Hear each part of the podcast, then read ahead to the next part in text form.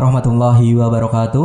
Waalaikumsalam warahmatullahi wabarakatuh. Ya, alhamdulillah di podcast dakwah KSTV kali ini kita kedatangan tamu nih. Kedatangan tamu dari beliau Ustadz Danang selaku mudir atau kepala sekolah dari STD Riyadus Solihin. Yang mana yang kemarin kita udah kedatang- kedatangan tamu yaitu Ustadz Agus sebagai ketua Mualaf Center Semarang yang telah menjelaskan bagaimana perjalanan hijrahnya dari membimbing mualaf sampai kiprahnya di dalam mualaf yaitu yang sangat luar biasa sekali. Maka di podcast dakwah kali ini kita akan membahas nih bagaimana pentingnya sebuah ilmu atau pendidikan yang mana kita langsung nih kedatangan yaitu Ustadz Danang sebagai kepala sekolah yang mana beliau sangat apa sangat peduli terhadap pendidikan terutama yaitu untuk generasi umat Islam saat ini. Saya ucapkan assalamualaikum Ustaz Danang Waalaikumsalam. yang terima kasih sudah mau atau berkenan sudi untuk datang di studio KSTV kali ini. ya. Mungkin nanti kita akan mengupas nih, mengupas banyak mengenai potret pendidikan terutama kan saat ini pandemi ya Ustaz. Pandemi yang mana pendidikan off atau dirumahkan atau istilahnya belajar dari rumah atau belajar from home yang mana pasti sangat ya orang tua mungkin juga kesulitan. Guru pun juga pastinya kesulitan ya. Apalagi apa orang-orang tua murid yang mana keterbatasan menggunakan teknologi atau tidak punya media untuk pembelajaran. Nah maka kita akan mengupas nih bagaimana perjalanan Ustadz Danang sebagai kepala sekolah dan juga pengajar di sekolahnya mungkin bisa sedikit cerita nih Ustadz dari STD Riyadus Solihin itu pendidikan yang bergerak seperti apa Ustaz? Ya, Bismillahirrahmanirrahim. Assalamualaikum warahmatullahi wabarakatuh. Waalaikumsalam. Alhamdulillah, alhamdulillahilladzi arsala rasulahu bil huda wa dinil haq liyudhhirahu 'ala dini kullih walau karihal musyrikun walau karihal kafirun. Allahumma arhamna bil Qur'an, rabbi shrah li sadri wa yassir li amri wa hlul 'uqdatam min lisani yafqahu qawli. Amin. STT di Riyadus Solihin sebenarnya kepanjangan dari sekolah tahfidz Al-Quran tingkat dasar. Jadi sekolah untuk para penghafal Al-Quran setingkat SD. Oh, Jadi, tingkat SD. Tingkat SD. Berarti sekolahnya itu khusus buat menghafal Al-Quran Ya. atau ada materi umum juga? Ya ada materi umum, tapi memang difokuskan untuk hafalan Al-Quran dan penguatan di, di segi agama. Sedangkan untuk pelajaran umumnya hanya sebagai pelengkap, saja, saja. seperti itu. memang awal berdirinya itu sebenarnya kalau kisah, nah kalau mau saya mengisahkan memang kisahnya dramatis banget kalau berbicara tentang kisah itu. Dramatis Ya, sekali. dramatis ya. Jadi dulu itu saya punya anak usia sekitar empat tahun. Jadi empat tahun kemudian tiba-tiba sakit, sakit, kemudian saya bawa ke rumah sakit. Ending di rumah sakit itu di rumah sakit Karyadi, di masuk di ruang ICU anak di bulan Ramadan pada saat itu sekitar hampir satu bulan. Ketika itu dokternya hanya ngomong enak saja. Kalau dokter kan ngomong, tahu orang memang pekerjaan dokter seperti itu ngomong sama saya anak jenengan itu kemungkinan hidupnya sekitar 20%. Kalau hidup pun dia mungkin cacat sebenarnya nggak bisa ngapa-ngapain. Karena pada itu menganak saya panas kemudian kejang. Ya memang benar. Kodera pada saat itu bulan Ramadan sudah saya ikhtiar berdoa sama Allah Subhanahu wa taala sehingga kodarullah memang pada saat itu di di ujung bulan Ramadan anak saya di, dipersilahkan pulang. Tapi memang apa yang dikatakan dokter benar. Jadi anak saya pulang itu ya yang dulunya normal yang 4 tahun sudah bisa jalan, bisa ngomong. Jadi seperti bayi lagi dia. Jadi seperti bayi lagi, nggak bisa ngapa-ngapain. Saya masih ingat itu masukin makannya itu dari selang yang sampai ke hidung gini. Jadi dia selang, kemudian di apa makannya itu dari selang. Saya nyuntik dari selang kemudian ke hidung, selang ke hidung. Kemudian karena jadi bayi lagi, saya mulai didik lagi, mulai diajari cara berjalan, diterapi dan sebagainya. Kemudian mentok pada saat terapi bicara, terapi bicara. Ketika terapi bicara lah ini kita, saya sama istri saya mulai gimana ya, gimana ya. Kemudian saya pikir saya teringat sebuah hadis khairukum man ta'allama al-Qur'an wa. Generasi terbaik itu generasi yang belajar Al-Quran dan mengajarkannya. Pada saat itu saya ngomong sama istri saya, coba diterapi dengan Al-Quran. Ini makharajul huruf, jadi diterapi. Mulai dari Al-Fatihah, surat-surat pendek. Saya sampai terkaget-kaget mulai dari nggak bisa ngomong itu bisa ngomong dari, dari diterapi dengan Al-Quran. Berinjak usia 5 tahun, kemudian 6 tahun, kemudian saya mikir sama istri saya, kalau seandainya anak yang difonis dokter 20% hidupnya saja kemudian dikatakan cacat otak jadi anaknya cacat seperti anaknya. Kekurangan apa namanya dari sisi fisiknya saja bisa apalagi anak yang nor normal seperti itu. Saya sudah kita bikin aja sekolah untuk para penghafal Al-Quran. Kalau anak kita bisa dari segi kekurangan seperti itu apalagi anak-anak yang normal. Dari situlah kita berikhtiar untuk membuka sekolah tafid Al-Quran tingkat dasar.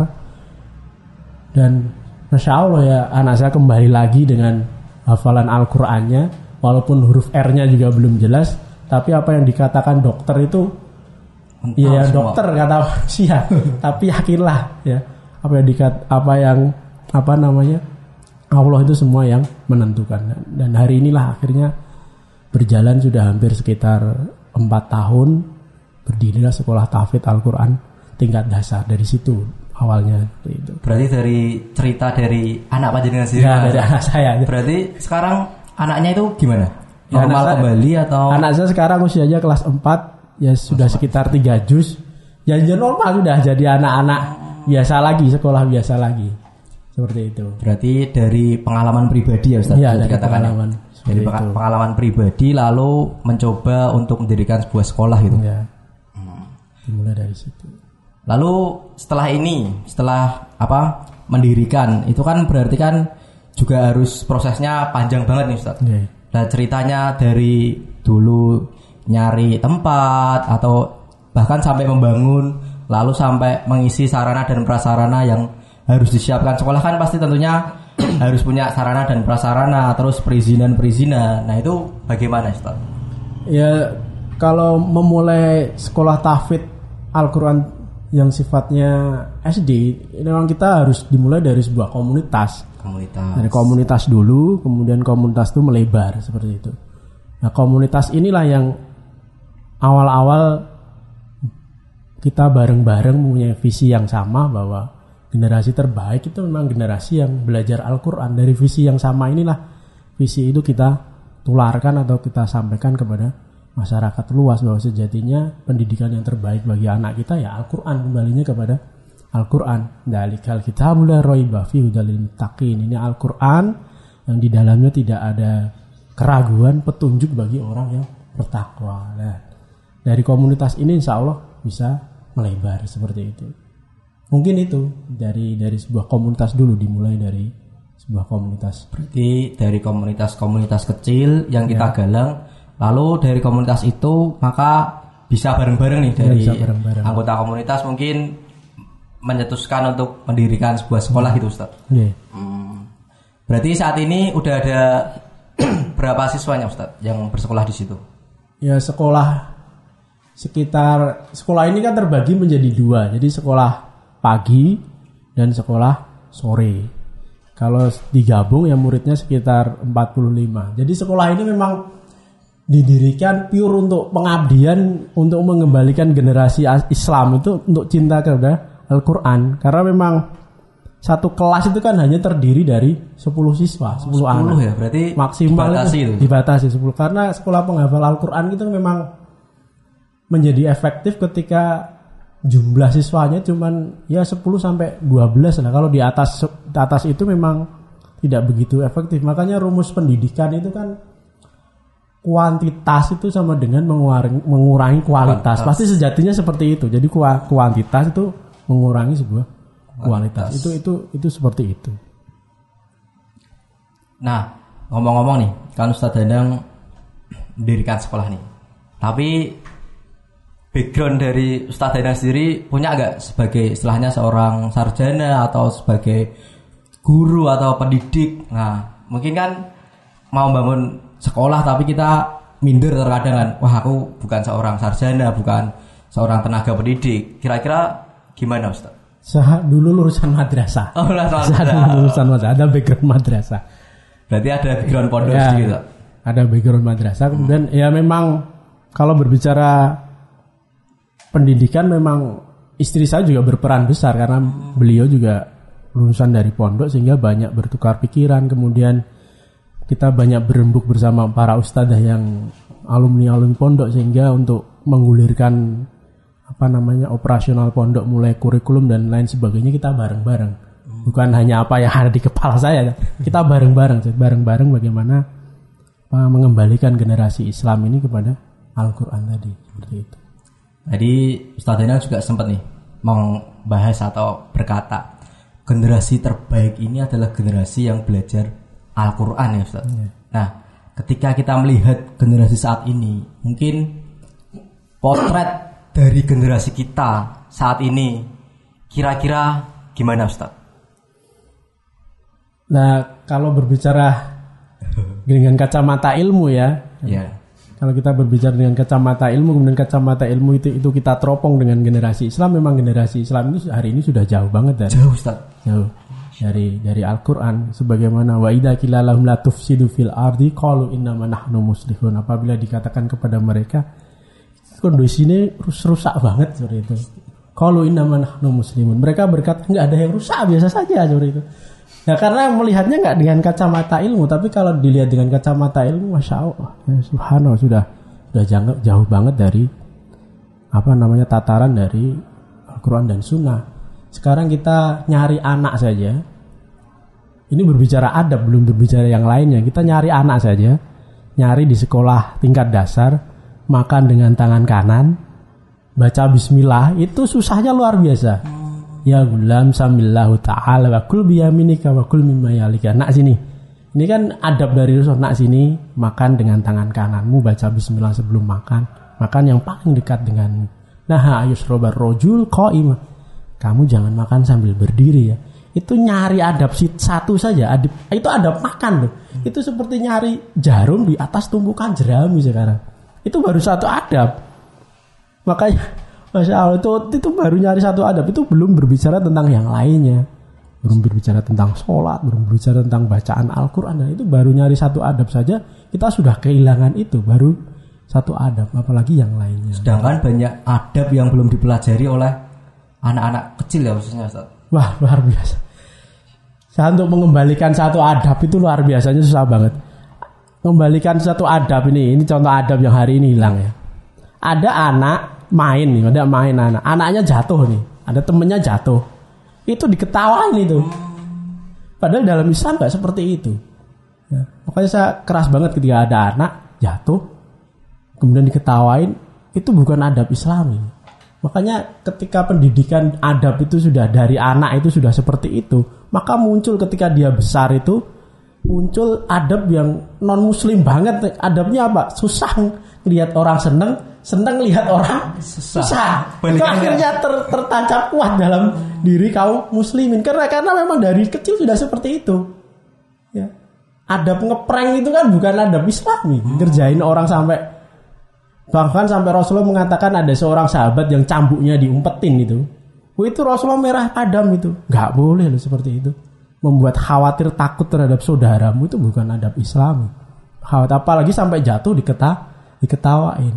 Padahal Allah subhanahu wa ta'ala menyampaikan lewat lisan Rasul Allah fi abdi maka abdu fi auni akhi. Allah itu akan senantiasa menolong hambanya. Kalau hamba itu senantiasa menolong orang lain jadi ketika lihat saudaranya terjatuh itu seharusnya adabnya itu segera di, ditolong apalagi ada media sosial kalau diketawain di media sosial di foto di video diviralkan Saat itu malah yang Jadi, Diminati. ini- Nah, ini generasi seperti itu loh. Kalau dulu nggak seperti itu. Coba lihat ada sebuah kisah sangat luar biasa ketika Khalid bin Walid dan bala tentaranya menaklukkan Persia dengan Raja Rustum pada saat itu. Sehingga ketika itu ribuan pasukan hendak menaklukkan Persia pada saat itu Rustum mengirim intelijen untuk melihat kondisi pasukan kaum muslimin. Dilihat nih, kira-kira menang nggak kita ngelawan kaum muslimin ini. Kodarwa pada saat mereka melewati sungai ada barang yang terjatuh dari salah satu pasukan. Barangnya terjatuh di sungai. Seketika itu mak seribu pasukan itu berhenti membantu saudaranya untuk mencari satu barang yang hilang.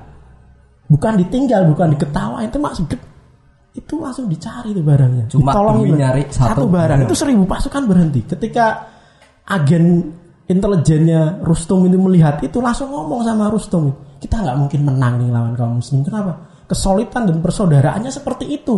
Kalau hanya untuk batu barang saja mereka saling tolong menolong, apalagi untuk nyawa saudaranya. Hmm, bener juga ya. Ya akan mungkin kita menang dan akhirnya bener itu. Luluh lantah. Pada saat itu Persia di tangan Khalid bin Walid. Itu mentalitas generasi Islam pada masa dan hari ini mulai hilang kan. Iya. Ini dia Bayangkan sekarang malah yang ngeprank viral-viral itu malah yang jadi kerja, trending. kerja itu ya. Temennya saya khawatir itu seneng ya. Komedi-komedi itu wah laris malah saat ini. Ah, itu. Nah, itu itu potretnya. Ya, Tapi juga makanya ini PR besar bagi pendidikan kita hari ini untuk bagaimana bersama-sama kita mengembalikan generasi Islam hari ini. Seperti itu. Ya, itu kan dari sisi pandangan seorang guru Ustaz dan atau sebagai tenaga pendidik. Nah, kalau dari orang tua sendiri Ustaz, biasanya kan terkadang nih guru mengajarkan sesuatu ini, sesuatu tentang adab misal katakanlah. Nah, namun ketika siswa atau murid itu sampai di rumah dan orang tuanya itu malah atau istilahnya mereka tidak mengajarkan adab.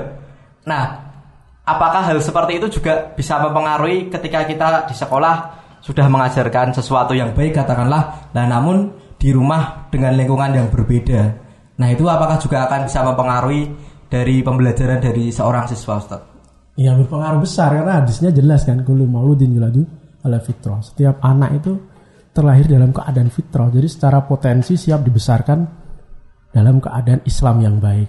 Fa'abawahu tergantung orang orang tuanya. Maka sebaik apa pun pendidikan semuanya itu kembali kepada orang tuanya. Semisal nih, semisal di sekolah diajarin diajarin sholat ya diajarin sholat ya, muru aludakum bis sholat Ahum sabak sini ya perintahkan anakmu sholat di usia 7 tahun SD sudah digembleng ustadanya sudah gembleng dan lain sebagainya sudah gembleng kemudian dia pulang lihat bapaknya nggak sholat ibunya nggak sholat itu seperti balon yang diisi ilmu istilahnya ilmu gasnya ini ilmu kemudian sampai besar sampai rumah dibledosin sama orang tuanya sendiri Dier. kenapa ya dia lihat bapak ibunya nggak nggak sholat ya makanya ayat dalam surat At-Tahrim itu menjadi evaluasi besar bagi kita. Ya ayyuhalladzina amanu qu anfusakum wa ahlikum nar. Wahai orang-orang beriman, jagalah diri kalian dan keluarga kalian dari api neraka. Maka ayat ini kan pembelajaran banget. Kenapa ayat ini dimulai dari diri kalian? Karena ayat ini tidak menyampaikan kita bahwa pendidikan itu sejatinya keteladanan. Keteladanan. Jadi jenengan gembor-gembor sholat sholat sholat ya, orang tua sholat kono sholat kono jenengan oh gak sholat gak iso gak bisa Ya. makanya garis tebal sebuah pendidikan ini ke- kebaikan itu bukan hanya sekedar pengajaran kebaikan itu sejatinya adalah keteladanan. Nggak mungkin seperti itu. Makanya dalam STT di Solihin kan ada pembinaan orang tua siswa tiap satu bulan sekali. Sehingga visi misi sekolah dan visi misi orang tua itu sama. Ya, kalau memang berbeda itu susah banget. Tadi. Ibarat tadi su- sudah diisi dengan adab dia itu pulang lagi. Hampir sama tadi. Sudah diisi adab makan dengan tangan kanan baca bismillah pulang sampai rumah lihat bapaknya makan dengan tangan kiri tadi sudah selesai itu pelajaran itu. Hilang semua. ya makanya kembalinya pendidikan itu sejatinya memang ketelah keteladanan. Berarti orang tua itu bukan istilahnya kalau jarkoni Ustaz. ngajari tapi orang lakoni.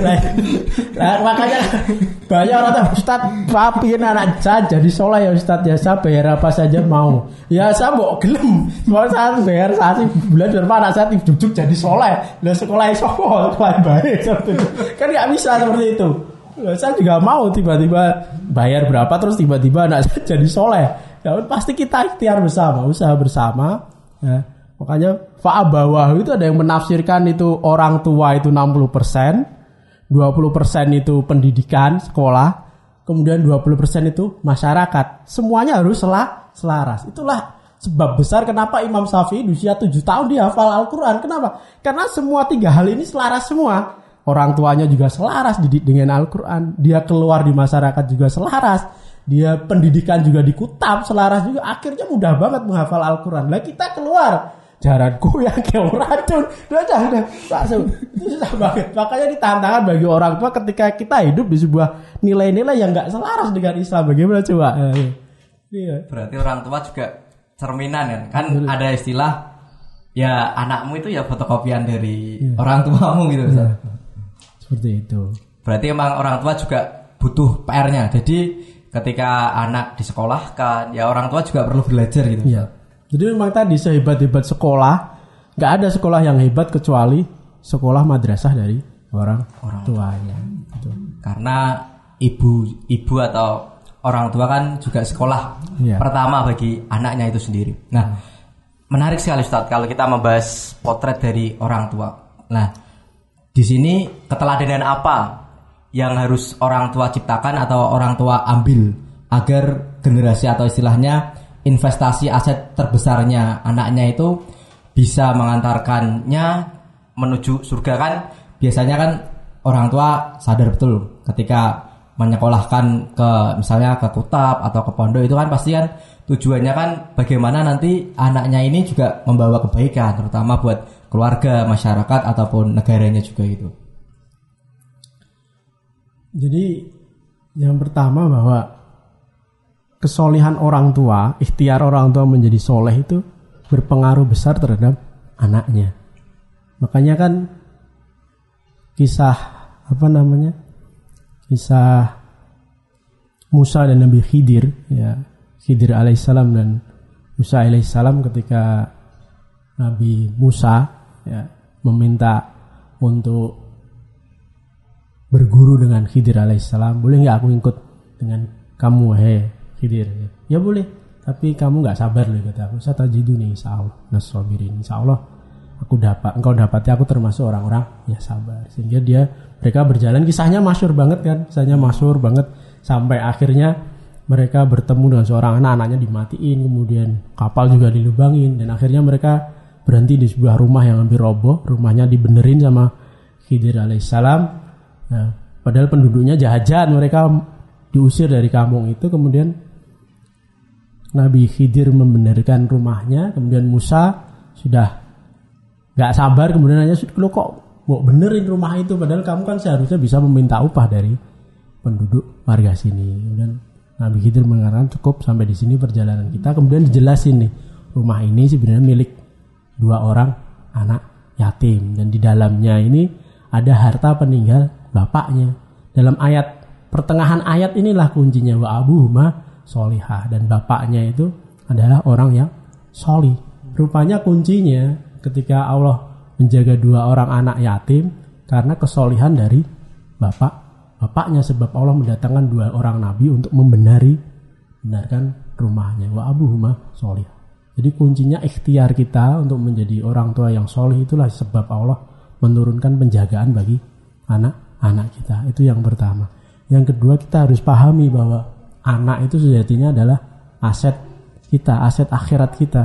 Kenapa? Karena Rasulullah menyampaikan ketika seseorang meninggal terputus semua amalnya kecuali tiga hal. Salah satunya adalah waladus soleh Allah. Anak soleh yang senantiasa mendoakan orang tuanya. Jadi Allah memberikan garis tebal nih. Anak yang bisa ngangkat tangan, kemudian doa itu langsung naik ke langit adalah waladus soleh Allah. Anak yang yang soleh. Jadi orang tua harus berikhtiar, berusaha keras anaknya untuk menjadi solih.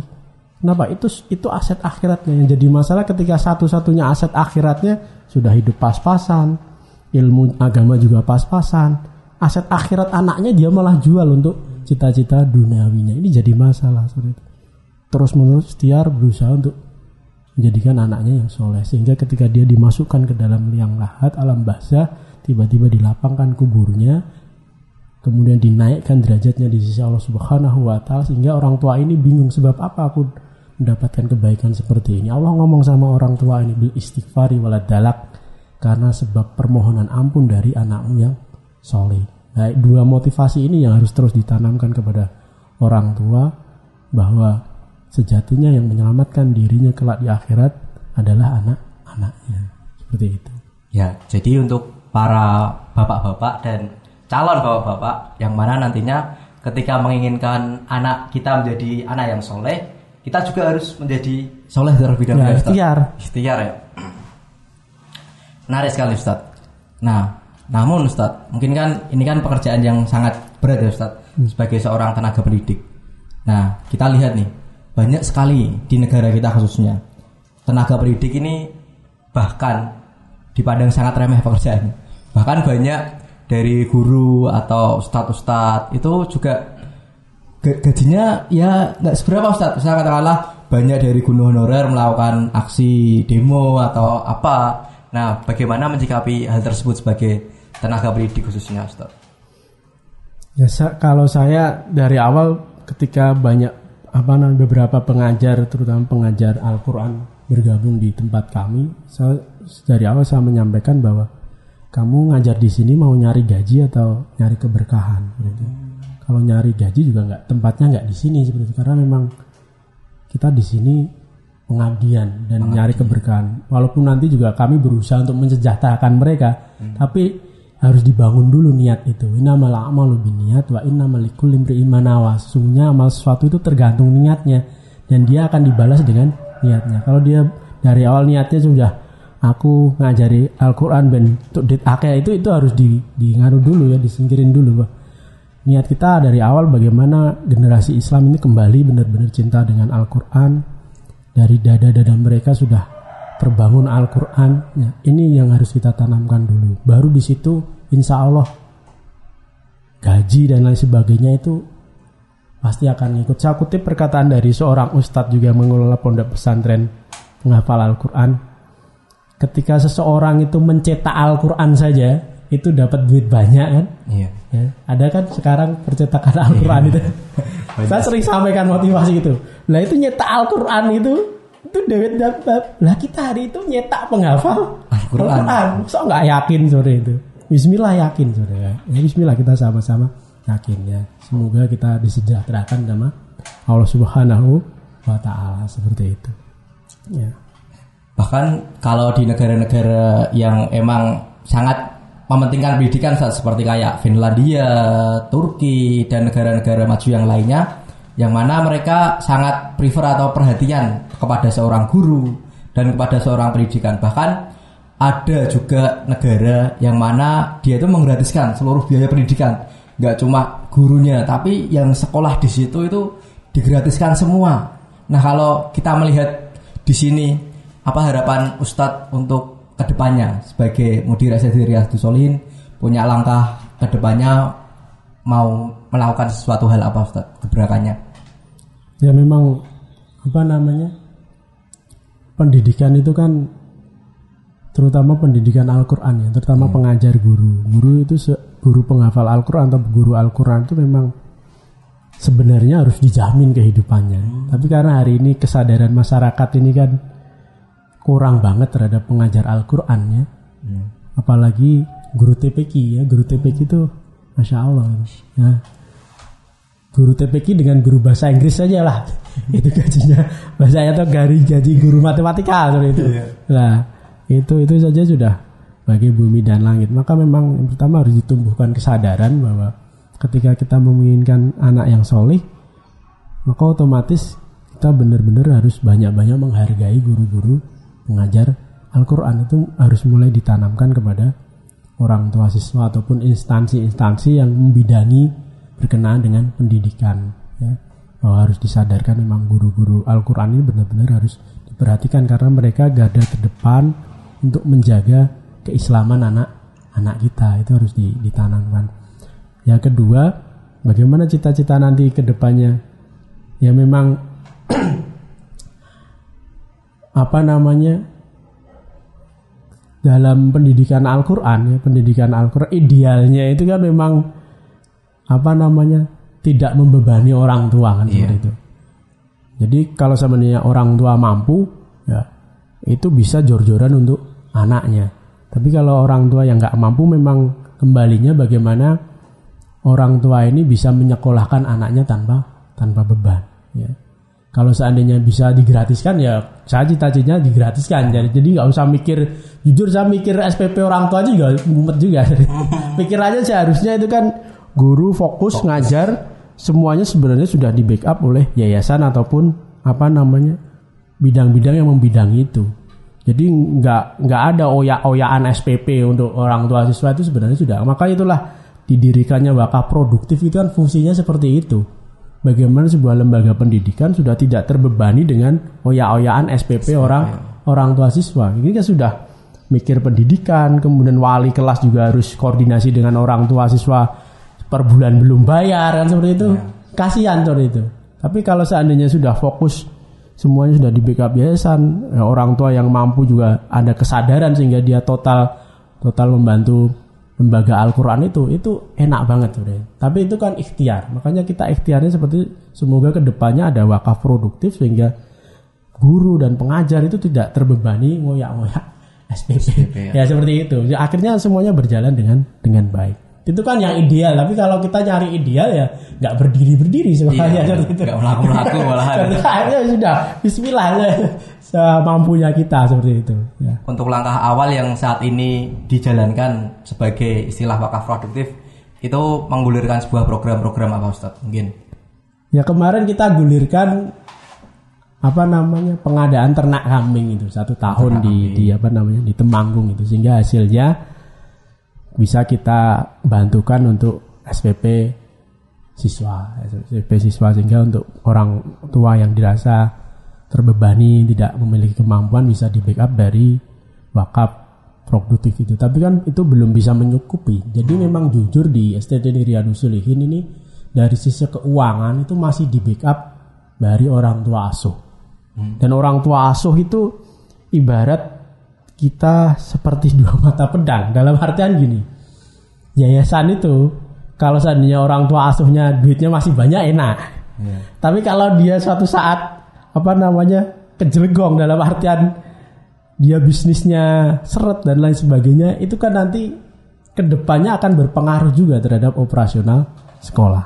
Makanya memang yang ideal itu wakaf produktif ya wakaf produktif usaha yang dikelola oleh sebuah yayasan lembaga pendidikan. Sehingga per bulannya ada pemasukan terus menerus. Kalau orang tua siswa kadang kan orang tua asuh maaf orang tua asuh itu kan dia hari ini hasilnya lumayan ya berarti bisa berinfak. Tapi kalau bulan besok dia penghasilannya menipis ya dia kemungkinan bayar SPP untuk orang apa siswa yang nggak mampu juga akan berkurang juga. Jadi di STT di Solih ini memang persentase terbesarnya masih di backup oleh orang tua asuh seperti itu. Orang tua asuh itu berarti orang tua asuh pendidikan yang mana orang lain berarti Ustadz? ya orang lain Oh dari orang lain yang mau menjamin pendidikan Iya. bagi murid-muridnya. Hmm, jadi sama sama jamin anak ini ya tiap bulan kan 100 ribu Oh 100. Nah, tapi kan kadang ya 100 ribu itu kalau dia ekonominya masih bagus kan kita kan nggak tahu nanti ke depannya Iya.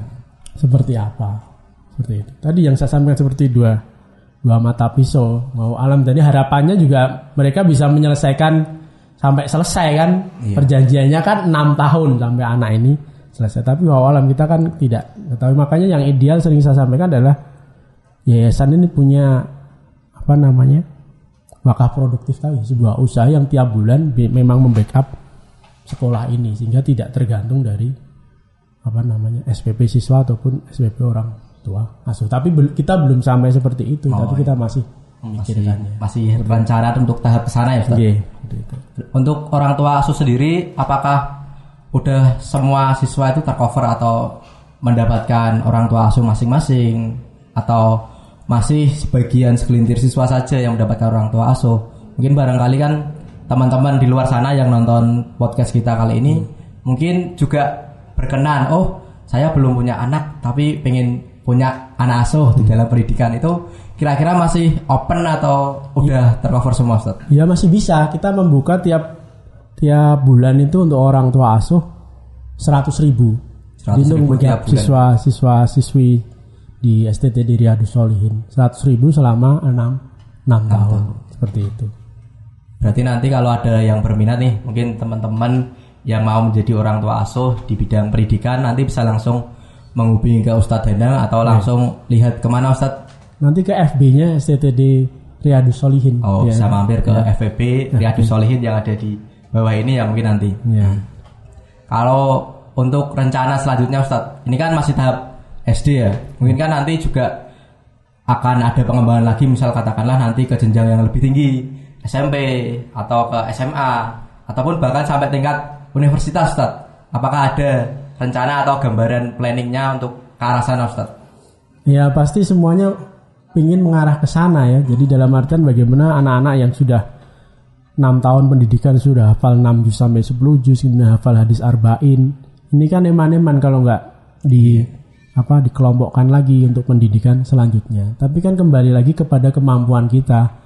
Kalau berbicara kelanjutan kan otomatis kelanjutannya ke pondok pesantren. Pondok pesantren juga butuh lahan kan seperti itu. Bicara lahan pun kita juga belum ada seperti itu. makanya di sini ini momentum ini kalau bagi para kaum muslimin yang memiliki kemampuan finansial dan ikut andil dalam apa mencetak generasi penghafal Al-Qur'an nanti bisa menghubungi kami bareng-bareng kita bagaimana mengembalikan generasi Islam ini untuk cinta kembali terhadap Al-Qur'an mereka seperti itu. Hmm, ya, jadi ini sebagai PR atau kontribusi kita bersama karena kalau kita lihat masalah pendidikan ini bukan masalah Ustadz Danang atau bahkan masalah guru-guru yang lain, tapi ini sebagai PR kita bersama ya Ustadz. Jadi kita istilahnya kontribusi bareng-bareng.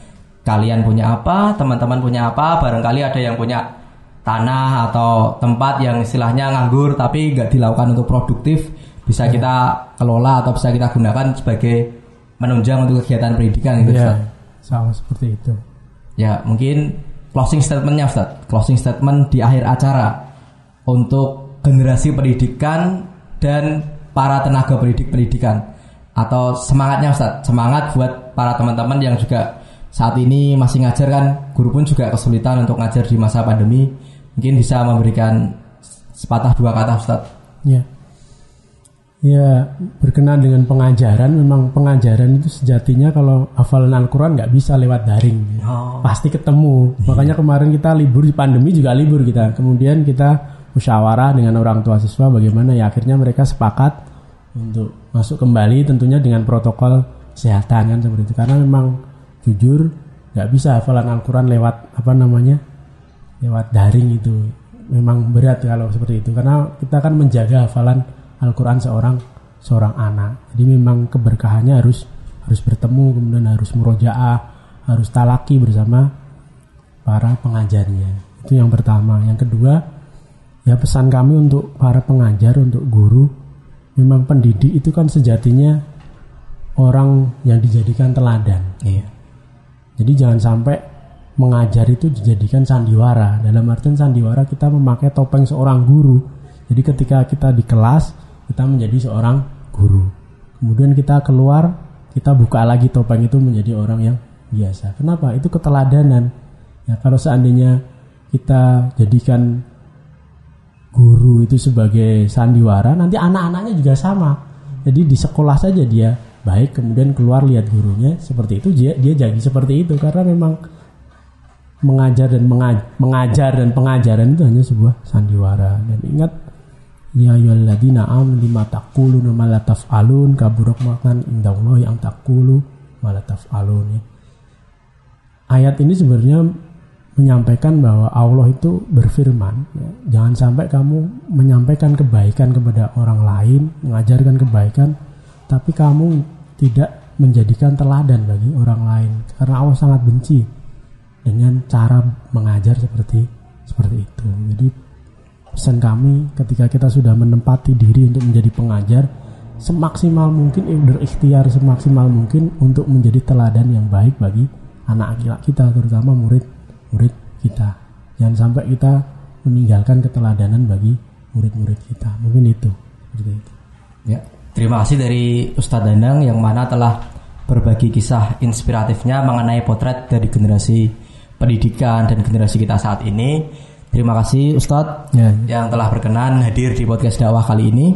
Nah mungkin ini ada sedikit kado nih Ustadz atau Ya. bingkisan dari podcast dakwah yaitu sebuah tumbler atau tempat minum Ustadz. Ini buat Ustadz Danang. Ya.